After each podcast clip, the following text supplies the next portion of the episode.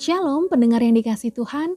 Renungan harian saat ini kembali hadir di ruang dengar Anda dengan judul Berani Menolak Ajaran Asing. Bacaannya diambil dari Ibrani pasal 13 ayat 8 sampai 16. Yesus Kristus tetap sama, baik kemarin maupun hari ini dan sampai selama-lamanya.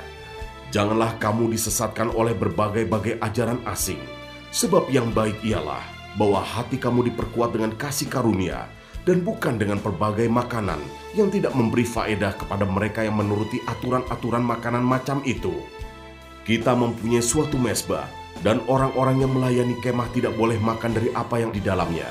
Karena tubuh binatang-binatang yang darahnya dibawa masuk ke tempat kudus oleh imam besar sebagai korban penghapus dosa dibakar di luar perkemahan. Itu jugalah sebabnya Yesus telah menderita di luar pintu gerbang untuk memunduskan umatnya dengan darahnya sendiri karena itu marilah kita pergi kepadanya di luar perkemahan dan menanggung kehinaannya. Sebab di sini kita tidak mempunyai tempat tinggal yang tetap. Kita mencari kota yang akan datang. Sebab itu marilah kita oleh dia senantiasa mempersembahkan korban syukur kepada Allah. Yaitu ucapan bibir yang memuliakan namanya. Dan janganlah kamu lupa berbuat baik dan memberi bantuan. Sebab korban-korban yang demikianlah yang berkenan kepada Allah.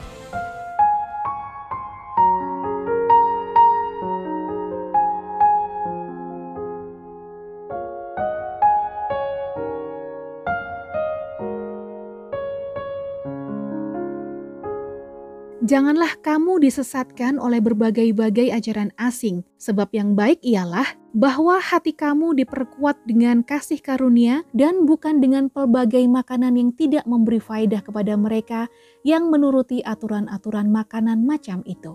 Ibrani pasal 13 ayat 9. Pendengar terkasih, gereja nampaknya mengalami perkembangan yang pesat di abad pertama. Sehingga banyak orang yang percaya kepada Yesus – karena pemberitaan para rasul dan juga orang-orang percaya lainnya. Namun perkembangan gereja tidak terlepas dari ajaran-ajaran yang tidak sesuai dengan ajaran para rasul itu. Kenyataan ini tidak bisa dihindari oleh gereja. Akibatnya, ada umat yang mengalami kebingungan dan ada juga yang mencampur adukkan antara Injil dengan ajaran Gnostik.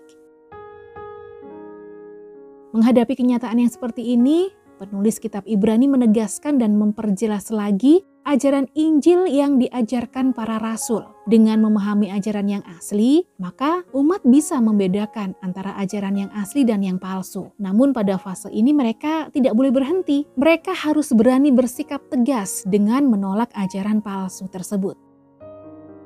Ajaran palsu sepertinya tidak berdampak dalam kehidupan moral para pengikut Yesus. Tetapi sebenarnya mereka sedang memisahkan diri dari Allah dan menuju kematian kekal. Oleh karena itu racun dalam bentuk ajaran palsu tidak seharusnya ditoleransi. Ajaran yang diajarkan Tuhan Yesus kepada para murid itulah ajaran yang sehat, yang akan menjadikan umat memahami kasih, karya, dan konsep keselamatan di dalam Tuhan Yesus. Bahkan ajaran tersebut akan mengembalikan gambar dan rupa Allah dalam hidup manusia yang percaya kepadanya sehingga pribadi Allah terjelma dalam hidup orang percaya. Dengan demikian, manusia akan dimampukan oleh Allah untuk melakukan perbuatan baik, sebab hidupnya adalah penyembahan kepada Tuhan. Peganglah segala sesuatu yang telah engkau dengar daripadaku sebagai contoh ajaran yang sehat, dan lakukanlah itu dalam iman dan kasih dalam Kristus Yesus. 2 Timotius 1 ayat 13 Tuhan Yesus memberkati.